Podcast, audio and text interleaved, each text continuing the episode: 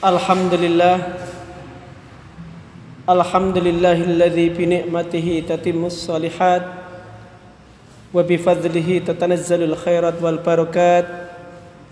أشهد أن لا إله إلا الله الخالق المعبود وأشهد أن محمدا عبده الصادق المحمود. اللهم صل وسلم وبارك على محمد وعلى آله وأصحابه أجمعين. ما بعد قال الله تعالى في القرآن الكريم أعوذ بالله من الشيطان الرجيم بسم الله الرحمن الرحيم شهر رمضان الذي أنزل فيه القرآن هدى للناس وبينات من الهدى والفرقان صدق الله العظيم جماعة رحمكم الله Sebelumnya kita panjatkan puji syukur kehadirat Allah Subhanahu wa taala. Allah yang telah memberikan begitu banyak nikmat yang tidak bisa kita hitung satu persatu seperti apa yang difirmankan oleh Allah wa in ta'uddu nikmatallahi la tuhsuha. Dan jika kalian menghitung nikmat Allah maka kalian tidak mampu bisa menghitungnya karena terlalu banyaknya rizki dan nikmat yang diberikan Allah kepada kita terutama nikmat iman nikmat Islam nikmat sehat serta nikmat sempat sehingga kita bisa melakukan apa yang diperintahkan oleh Allah dan menghindari apa yang dilarang oleh Allah Subhanahu wa taala. Salawat serta salam kita aturkan pada junjungan Nabi Muhammad sallallahu alaihi wasallam atas berkat perjuangan beliau kita bisa menjalani Islam dan menjalani iman seperti yang diperintahkan oleh Allah maupun Nabi Muhammad.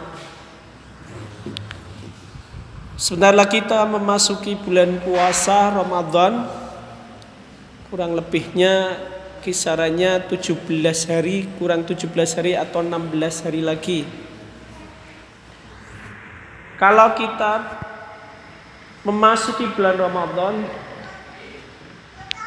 Seringkali penceramah itu Di mana pun berada Pasti mengkaji tentang ayat ya yalladzina amanu kutiba.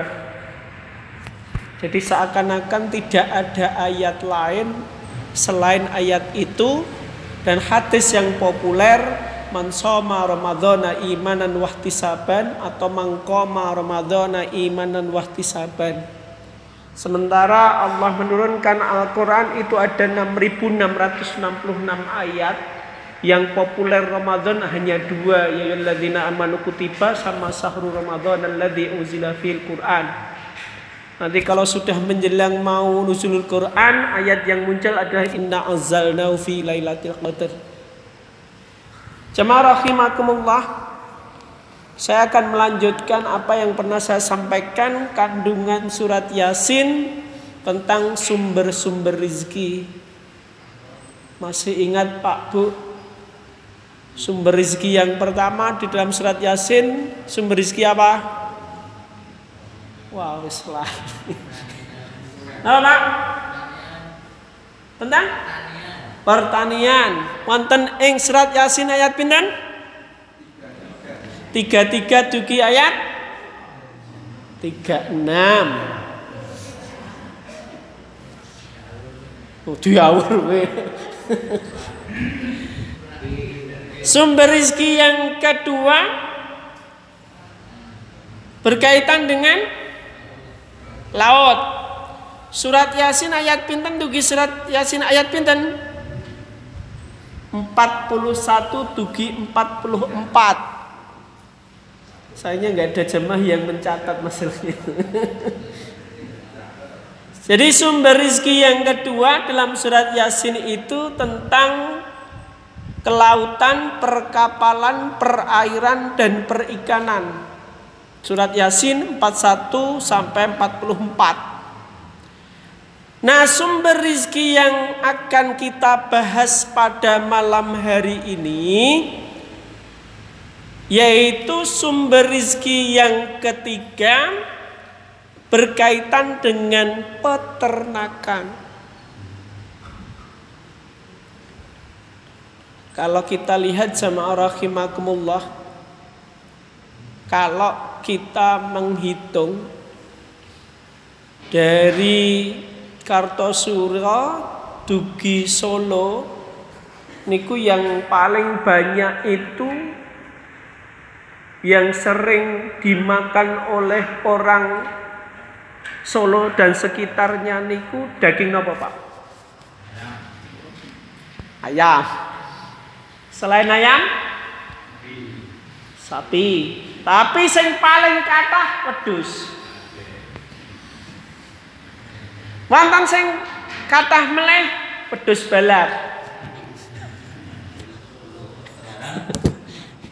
balat. Jarang-jarang Pak, luwih kathah wedhus balat.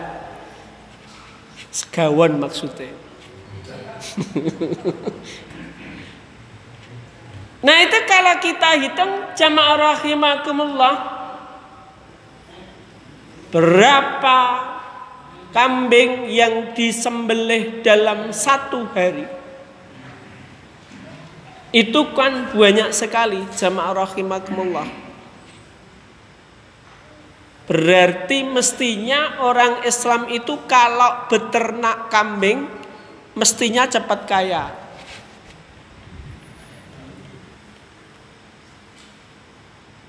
Nah anehnya itu yang banyak disembelih kambing tapi setiap saat ada saja kambing yang masih hidup. Belum lagi ditambah kalau korban Umat Islam itu mengeluarkan uang untuk korban untuk kambing dan sapinya itu total yang dikeluarkan umat Islam Indonesia itu 11 triliun. Berarti orang Islam itu kaya-kaya. Nah, mereka nyembelih pinten, Pak? Bu?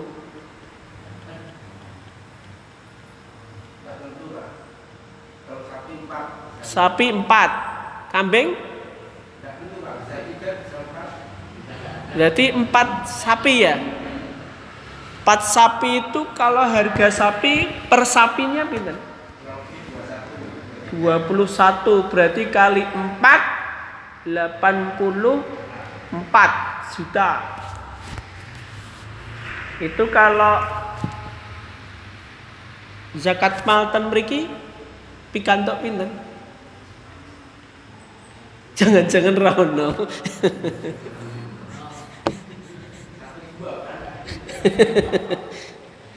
Sementara rukun Islam itu yang ada zakat, bukan korban.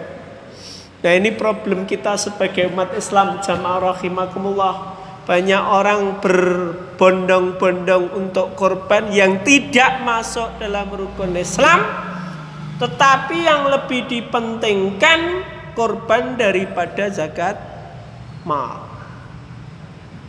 Nah ini aneh. Sementara zakat mal itu jamaah rahimakumullah menawi panjenengan gadah arto satu juta niku zakatnya cuma 25 ribu. Murah napa larang? Murah. Berarti jenengan naik korban berarti jenengan gadah kekayaan pinten? Kalau per 25 ribunya itu jenengan punya kekayaan satu juta. Berarti jenengan punya kekayaan berapa?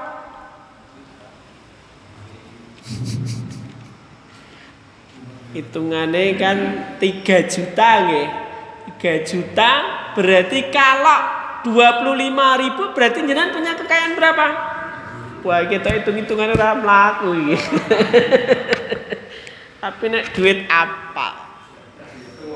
Loh.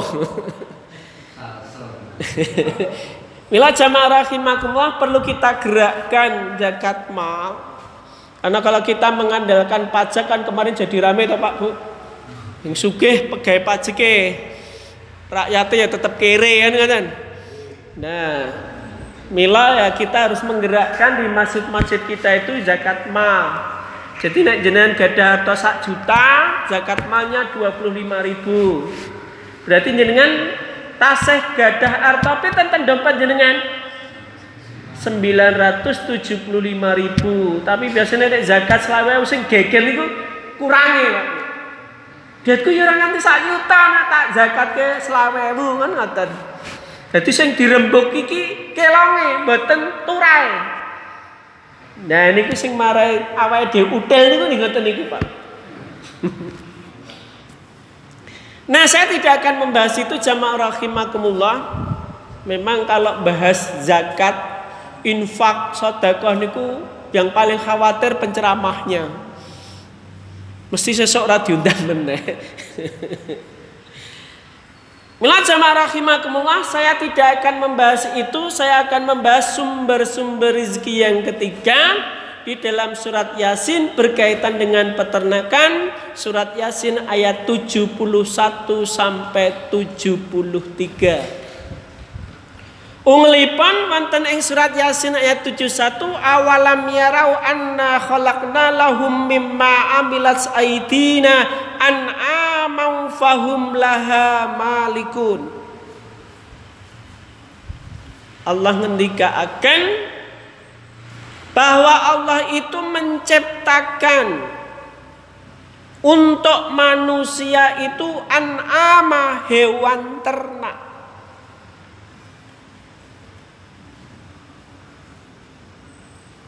Fahum laha malikun maka mereka menjadi pemiliknya. Jadi binatang hewan ternak itu bisa menjadi milik manusia. Nah kalau Indonesia itu kan kalau sudah punya dua sapi merasa jadi peternak. Nah ini jadi masalah pak. Hitungan ten Australia itu betul meng duwe loro terus dianggap peternak. Ten Australia itu minimal 100 sapi itu baru dianggap peternak. Nah, ini bedanya, Pak Bu. Dan mereka di sana itu dilepas. Boten kados ten mriki dicencang. Dados dilepas ten sabana. Sabana niku padang rumput.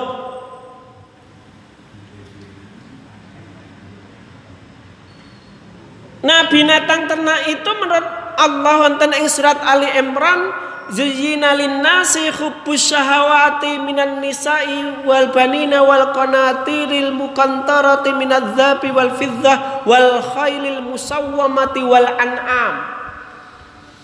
Jadi manusia itu diberikan mata sehingga menganggap indah kalau punya ternak. Terus gadah sapi, kambing, itu adalah perhiasan manusia. Nah, biasanya nek gadah ternak niku nggih kadang-kadang nggih terus kemudian lali lali karena itu adalah kesenangan hidup.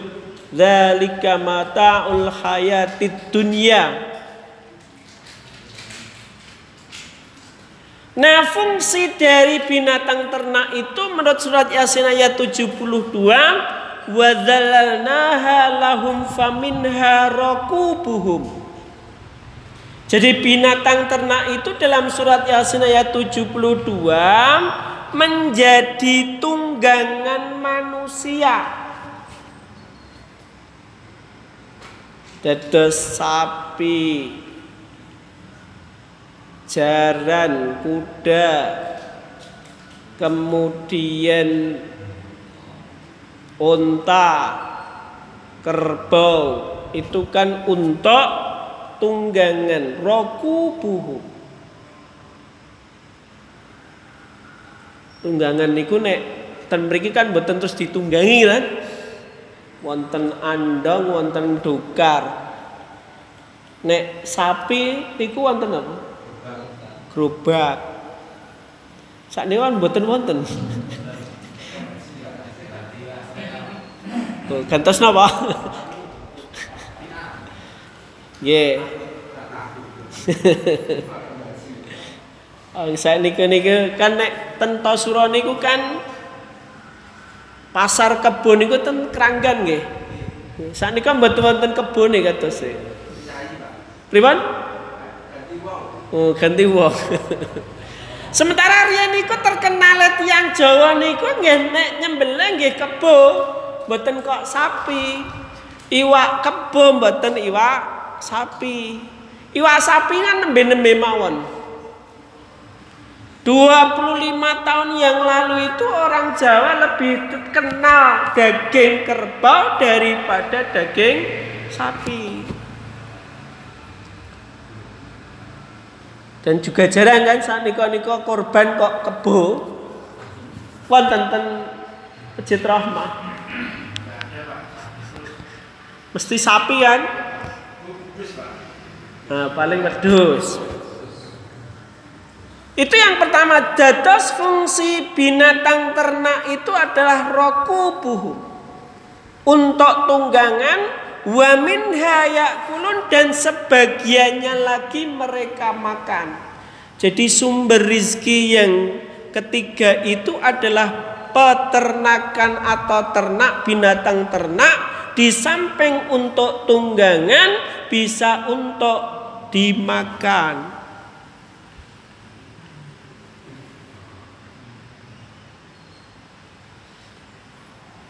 Dan yang namanya makan daging itu kan kalau orang-orang sekarang itu kan setiap hari makan daging.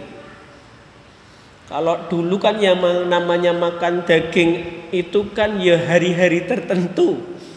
Nek boten lebaran, nek pitike gering nek ngoten. Nek ben biar niku kan dahare ayam. Jenenge tang niku tentosura niku terkenal bebek goreng nembe tahun pinten toh? Tahun pinten, Pak? Tahun 2000-an. Nggih. Wong riyen niku sing namine Pak Bebek Slamet, Pak Dut niku nggih mboten rame kados sak menika. Lah kula nggih ke Tangerang itu dihampirkan kok bebek selamat. Kalau tanglet itu iki ya lucu. Aku wong tosuro dihampir kok bebek selamat iki ngopo? Bendino delok nih ora mangan. Nah itu kan apa jamaah rahimakumullah? Mestinya kalau kita melihat kalau mamanya daging kambing berapa jumlah orang yang jualan sate kambing tengkleng tongseng dugi gule. Nikmat pun nih Pak. Gule sapi napa gule wedhus napa gule ayam? Oh, wedhus mesti. Niku nek marai tensine munggah nggih, hempun. Nah ibu-ibu masak nih gampil daging napa? Kambing napa? Sapi napa ayam? oh gari tumbas. Nah ini yang Indonesia ngoten niku. Ora gelem repot. Napa malah ibu-ibu? Apa memang kena poso? Eh mesti jadi padu. Jari poso latihan sabar ibu-ibu jadi sini uring-uringan. Anggere gugah sahur. Nggih nggih. Napa mboten Bu? Anggere gugah sahur anake kon tangi mah digugah sirahe ngono nempel meja makan terus. Ibu uring wis dimasakke aduh tenanan ning manganan lagi poso-poso dadi padu pripun niku Nah di surat An-Nahl ayat 5 Allah ngendikakan wal an'ama khalaqahu lakum fiha dif'un Di antara hasil binatang ternak itu Allah akan kulitnya, bulunya itu bisa menghangatkan manusia. Wa manafi'u dan bermanfaat yang lainnya. Yone Indonesia nggo beduk, terbangan, macam-macam niku Riye nek sanika mung kana beduk ya tetep nggo amplifier. Nek riyen memang ngangge beduk. Wong masjid nggih tertentu, nek sanika masjid kathah ning sing jamaah ya ora pati oke. Sing akeh niku masjid-masjid anyar niku, Pak.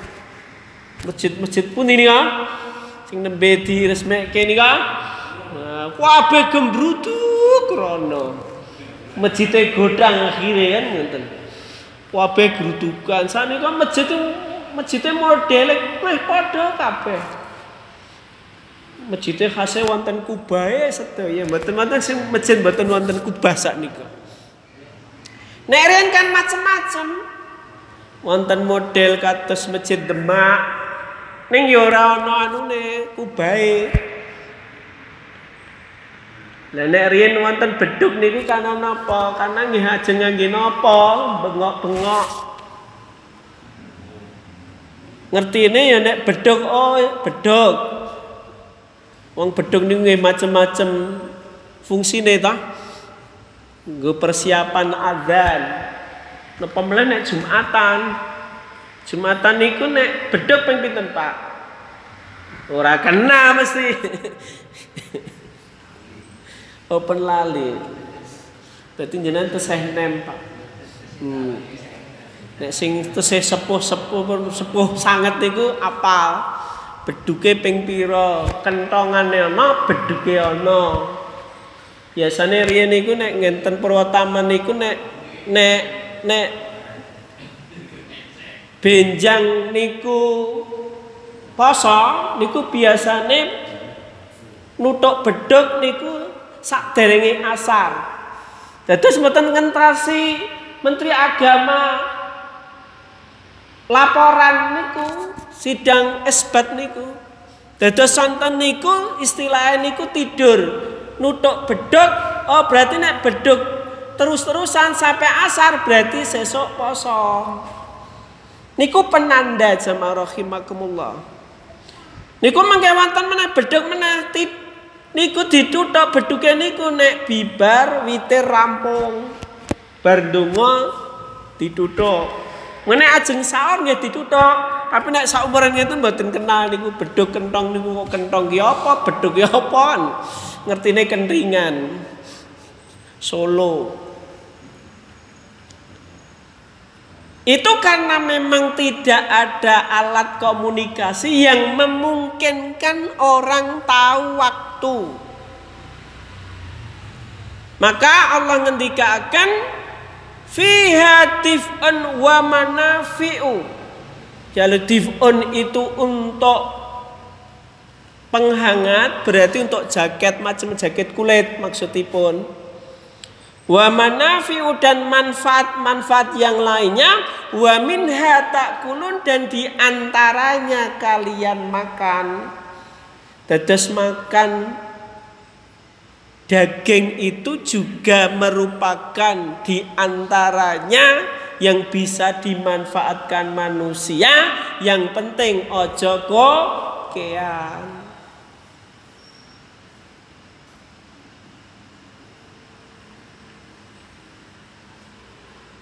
Nah menurut Allah wonten ing surat An-Nahl ayat 6 Allah ngendikaaken bahwa beternak Hewan ternak itu menurut Allah khina turihuna wa khina tasrahun. Jadi dilepaskan di tempat pengembalaan ada yang ditempatkan di kandang kemudian dimasukkan di kandang. Nanti dicek di surat An-Nahl ayat 6. Namun Allah ngendikakan walakum fiha jamalun. Dari binatang ternak itu manusia memperoleh keindahan. Contoh kalau di Jawa Barat itu ada kontes yang namanya kontes kambing apa? Domba apa Pak? Ye. Nerien zaman kula alit niku wonten kontes sapi ten lapangan ngabian. Niku Pak Ali ngertos. Nek sana saya ngertos. Saniku Pak Harto niku bika acara niku terus bika kelurahan balai desa Singapuran. Dados Singapuran niku jos niku riyen. Dados balai desa yang diresmikan presiden mungkin satu-satunya di Indonesia mungkin. Karena setelah membuka acara kontes sapi niku saat niku niku wonten yang namanya apa namanya pameran semua binatang jenis binatang ternak Pak Bu Pak Harto datang ke sini wah luar biasa itu saat itu tahun pinten Pak Ali Nggih, walung dosonan kata sing nggih. Boten lah. Hampir pun wolung puluhan mesti ini. Nggih, wolung puluhan. Saat ini kata saya wonten boten acara ngoten niku. Oh, ten TV. Jangan-jangan pemerintah pun lupa niku. Nah niku riyen kan nggih ngedalke niku kebo Kiai Slamet niku. Kebo bule niku. Selanjutnya Allah ngendikakan wonten ing surat An-Nahl ayat 7. Wa tahmilu athqalakum ila baladil lam takunu balighi illa bisikil anfus. Binatang ternak itu menurut Allah di surat An-Nahl ayat 7 tahmilu athqalakum membawa beban-beban jadi membawa dagangan. Jadi kalau Rasulullah itu Rasulullah itu pergi ke luar negeri umur berapa, Mas? Umur berapa, Pak? Nek apa lagu nih Habib Syekh ini mestinya apa nih? Umur umur remaja, umur remaja ini umur pintar 12-an tahun. Pertanyaannya bagi yang muda-muda, jenengan punya cita-cita keluar negeri tahun berapa, Mas? Lo jare meniru Nabi Muhammad. Jadi Nabi Muhammad itu pergi ke luar negeri untuk berdagang ke Syria itu umur 12 tahun. Pakai ontal. Kalau sekarang kan enak pakai pesawat. Tapi pesawat kalau di Indonesia Pak Bu itu ya luar biasa. Kalau jenengan perjalanan dari Indonesia Barat sampai Indonesia Timur itu butuh lima jam. Dan perbedaan waktunya juga luar biasa. Saya baru saja ke Maluku Tenggara ya Allah ternyata lima jam. Kalau hitung-hitung kok dihitung sekolah Indonesia Barat kok meng 3 jam. Ternyata dihitung niku 5 jam ya Allah. Ternyata ya aduh tenan. Nah Allah ketika kan watah milu afkalakum binatang ternak itu bisa berfungsi membawakan barang-barang dagangan orang-orang Arab terutama seperti yang diabadikan oleh Allah dalam surat Al-Quraisy ila fihim Jadi tradisi orang Arab itu berbisnis satu ke Yaman, satunya ke Syria. Nah kalau kita hanya jualan di pasar Kartosuro itu sebenarnya kurang meniru Nabi Muhammad. Ya harusnya perdagangannya ya harus ke luar negeri. Karena saya waktu haji itu jamaah rahimakumullah Masa ya jari awake dhewe Indonesia jari ini negara pertanian di antara produknya adalah pisang tetapi jamaah haji itu kalau makan pisang bukan pisang produk pertaniannya Indonesia tapi dari Boli Bolivia. Bolivia ini negara mana mas? Daerah benua mana? Nah, Amerika Latin. Jangan bayangkan lho, lah jare sing oke pisang jare Indonesia. Lah ekspor kok ora ana sing pisang ke Saudi, oh Indonesia jamaji terbanyak di Makkah itu orang Indonesia makannya sapi ah, makan pisangnya dari Bolivia kan aneh itu. Ini tanggung jawab yang muda-muda itu. Kok bisa gitu loh? Katanya yang paling lengkap tanaman pisang itu Indonesia. Tapi kenapa nggak sampai ke Saudi untuk dijual di sana? Pribadi? Buatan lah. Buatan pak. Itu karena orang Indonesia itu enggak plus pemerintahnya ya juga kurang peduli dengan para petani di sektor pertanian pisang. Ya kenapa sih nggak belajar dari Bolivia, Nah Allah ngendikakan ila balatil lam takunu balihi illa bisik. Yang orang tidak bisa mencapainya sendiri, maka pakai bantuan binatang ternak yang bisa membawa barang dagangan itu kalau orang Arab pakai yang namanya onta Ya kalau di Indonesia ya pakai gerobak, pakai andong, pakai kuda, pakai sapi, macam-macam.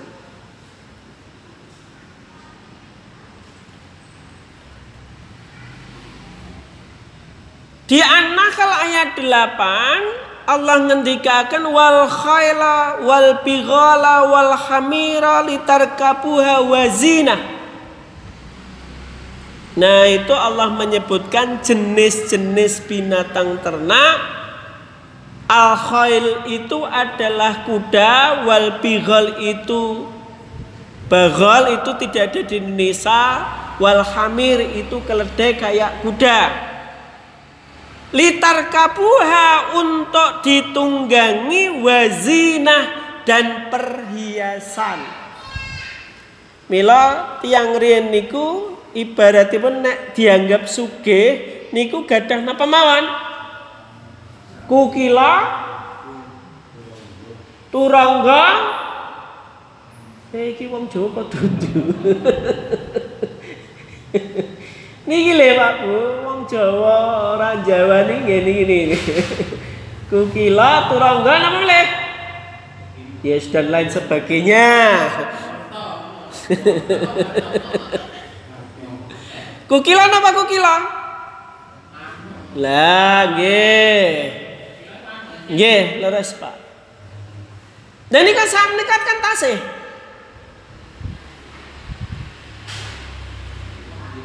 Kemudian turangga, ya turangga itu sekarang berubah. Alat transportasi. Alat transportasi yang mahal itu ya Ferrari, ya, Pak. Ferrari ngertos, Bu mobil sing paling larang tapi nek didelok asline ra nyenengke. Nek menurut kula le lah piye? Lawang Ferrari niku megar ngeten apa kan nek mboten biasa mobil kok kaya ngono kan ngoten. Mila jamaah rahimakumullah kepemilik kepemilikan kuda macam-macam itu alat ukur orang kaya zaman dulu kalau orang sekarang berarti punya mobil, punya motor. Dan saya yakin jenengan itu mesti punya motor lebih dari satu. Di masing-masing rumah. Mulane paling usek niku nggih Indonesia jemaah rahimakumullah. Lah piye menawi jenengan dugi sinten sing ten Mekah kan mboten wonten motor. Ten Singapura mboten wonten motor.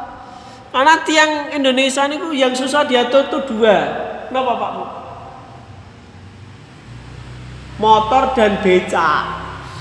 Ini ku paling susah diatur cuma. Nah, pripun? Napa meneh sing numpak ini motor niku ibu-ibu. Ketoke ngegas niku nggih direm lho Pak Bu. Nggih Bu nggih. Ketoke ngono, ketoke ngegas tapi direm. Lah ketoke napa? Gampang titiane anggere lampu mburi ngapurut berarti direm. Wah niku nek digas kekele ya tetep banter Pak. Lah niku reteng kanan ambil kiri. Ning jamaah musol eh, masjid Rahmah boten kados e. Mila ten bak-bak truk niku tulisane doa para sopir truk niku ya Allah hindarilah mak-mak yang reteng kanan ambil kiri ngoten nggih Pak Bu.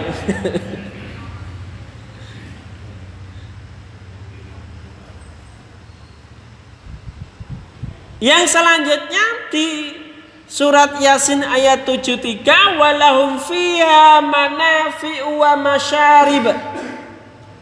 Pada binatang ternak itu manafi'u terdapat berbagai manfaat.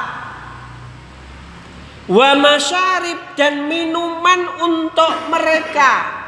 Contohipun nggih susu, Pak susu sapi, susu kambing, susu onta. Susu apa? Janane ini ku Pak Bu jamaah rahimakumullah sing duwe sapi wong Indonesia. Sing duwe pabrik susu sapi niku mboten wong Indonesia lho Pak Bu. Jenengan kena merek Nestle Nestle ini buatan tiang Indonesia sing gada. Lah neh kan sing duwe sapi awake dhewe sing memerah sapi wong Indonesia diterketen pabrik Nestle sing gadah boten tiang Indonesia. Merek Nestle. Nestle niku merek dagang tiang luar negeri. Gambare niku susuh manuk kalih manuk. Dodolane susu. Niku mboten benten susu napa niku sing untuk waktu rame-ramenya corona susu napa bir brand nah niku susu sapi. Nah gambare titi sapi. Promosine mboten sapi. Niku bir brand jadi niku susu untuk kekuatan nah Allah ngendikaken di surat An-Nahl ayat 66 Wa inna lakum fil amnami la'ibratan nuskikum mimma fi butunihi mim baini farthi wa tamil labanan khalisan sa'igan lisyaribin. Allah ngendika akan Nuskikum mimma fi butunihi kami memberimu minum. Allah itu memberi minum. Fi mimma fi butunihi dari apa yang ada di perut binatang ternak itu. Mimbaini farthi wadamin di antara kotoran dan darah mimbaini farthin itu adalah kotoran wadamin itu adalah darah labanan khalisan susu yang murni Dados sejatosipun susu niku asline ditempatkan dari yang buruk dan buruk. Allah ngendikaken fartin wadamin. Dari antara kotoran dan darah. Tetapi sa'ighal lisyaribin bisa ditelan bagi orang yang meminumnya.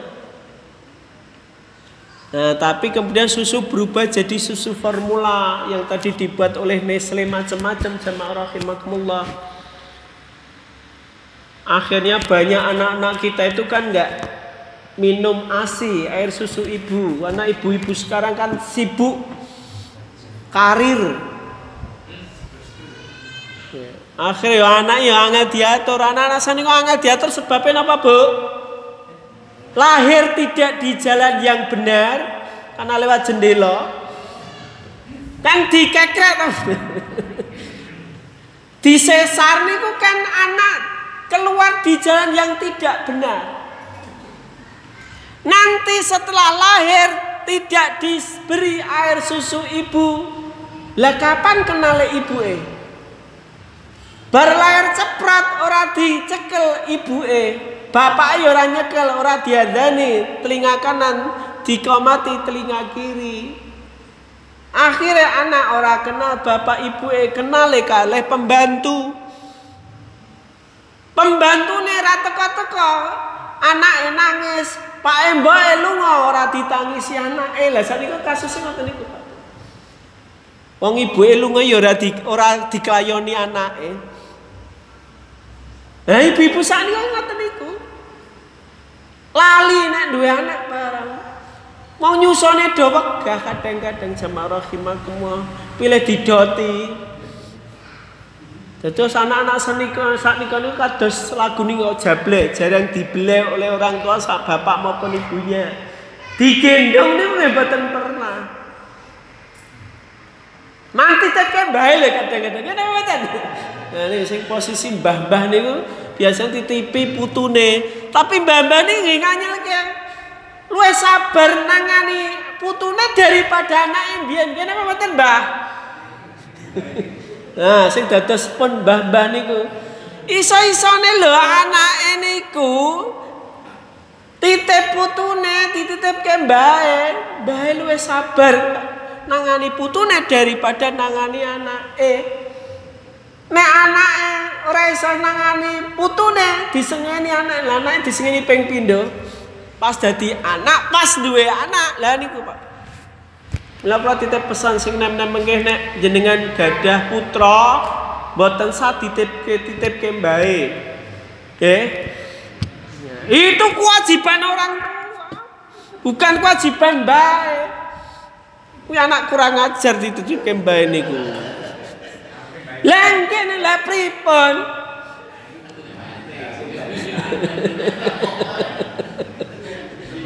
Lha bapak ibu ngapa kuwi ya ngoten. Ngapunten Pak nggih. Alasane wong wong tuane dhewe ngomongi sibuk pripun? Lah biyen lair ya ora dilairke sempurna. Ora do ngei asing. Eh ana wis rada gede titut bae lah pripun niku. Iki wong tua do piye to ya ya. Akhirnya mbak ini ku terus dadi kaya dadi duwe anak zaman biyen meneh. Tapi kok jenengan nggih aneh kok luwih sabar nangani putune ni le. Kula bingung. Mula kula pun pernah perjanjian lagi istri kula, jos sekali-kali titip ke mbak, jos sekali-kali. Masa anak niku biasane niku anggere disengeni wong tuane pradule karo mbae. Napa mboten? Engkau baik ngeni bapak ibu e. Iso ora to didik anak le. Lah pripun niku? Anak-anak sanika nggih jarang lho. Dingetenke dikai asin nggih jarang, Pak. Dikai dot, anggere nangis dikai dot. Engko anggere turu dikai napa? Pampers. Wah niku dadi wong tua penak tenan niku. Wis kono pipiso sak kemengmu. Lho anak dilatih ngekemproh kali bu, bapak ibu ya pripun? Nek jen di riyen kan jenengan nek anake ngompol lah ganti bapak itu. Nggih. Ya jadi wong tua ya kudu siap kor berkorban ngoten niku. Apa pokok njaluk penak niku pripun? Mila teng Jepang niku jamaah orang niku Jepang lho Pak Bu. Dilarang anak-anak kecil itu pakai pampers. Karena perusak lingkungan hidup kita itu yang paling besar itu pampers. Dan wong Indonesia bangga. Apa nih ibu-ibu muda niku anggere anaknya anaknya pengen pipis nggak usah kan pakai pampers pipis saja di situ coba jadi bayangin tak ngajari kemproh anaknya kali putu jenengan Dados anak-anak kan kurang sensitif sebab napa? Pertama, lahiran boten normal. Ngagem sesa. Berlahir boten diberi ASI, digendong. Anak-anak kan jarang deh dilele-lele ibuke. Nek jenengan kan lela-lela teh, Bu nggih. Lela-lela jenengan lela-lela nih? Pak.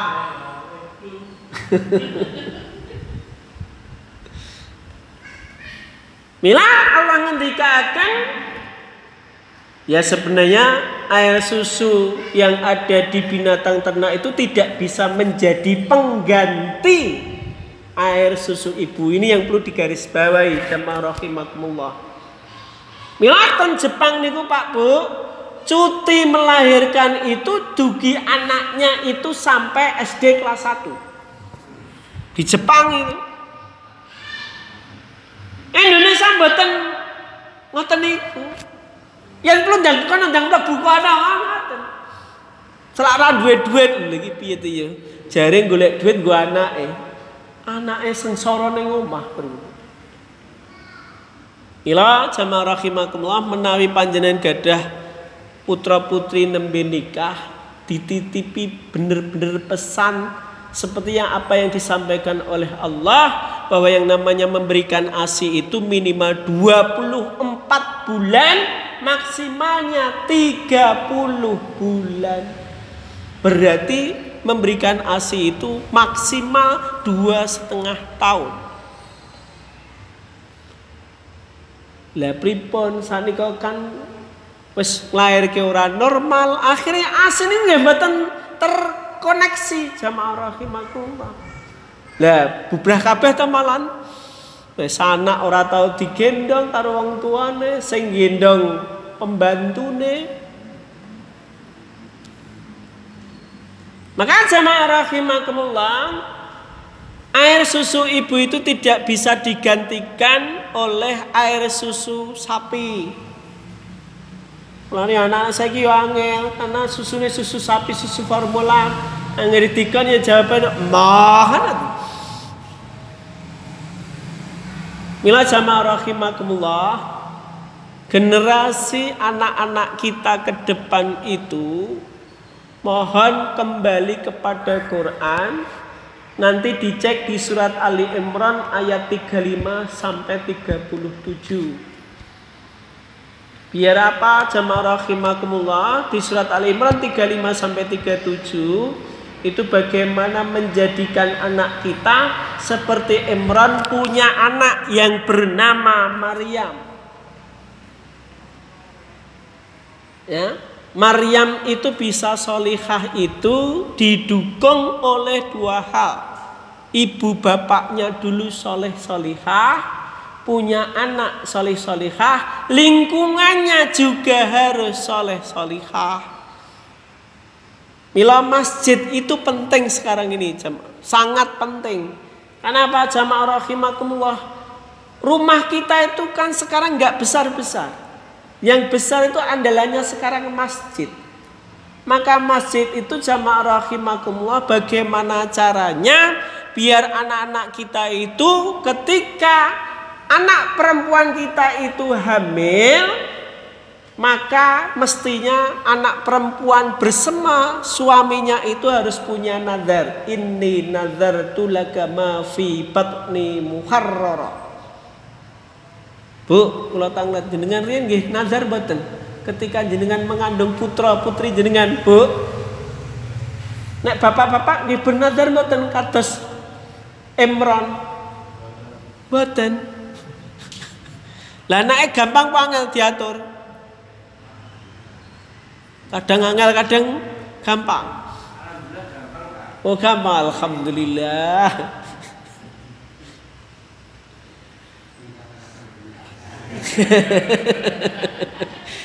ya nek pas angel ya angel, pas gampang gampang. Nah itu jamaah rahimakumullah kita sudah bagaimana melihat surat Yasin itu ada beberapa sumber rizki. Yang pertama adalah sumber rizki pertanian. Yang kedua sumber rizki perikanan dan kelautan. Yang ketiga pembahasan terakhir kita di surat Yasin yaitu sumber rizki peternakan. Maka perlu kita dorong anak-anak muda itu itu punya kualifikasi kompetensi tiga hal itu Pak Bu. Jadi kalau belajar pertanian itu juga ibadah. Belajar perikanan kelautan itu juga ibadah. Belajar tentang peternakan itu juga ibadah. Kenapa jamaah rahimakumullah? Masa kita korban itu harus impor sapi dari Australia? Kan aneh. Pripun niku? Piye Mas? Sing nom-nom kuwi. Iki tanggung jawab lho. Nek wis sepo-sepo wis ora tekan sing nom-nom kuwi. Lah masa titik-titik impor, titik-titik impor. Lah jare Indonesia itu tanahnya luas. Di NTB itu yang namanya peternakan sapi kan kayak di Australia dilepas bebas. Jipok uang.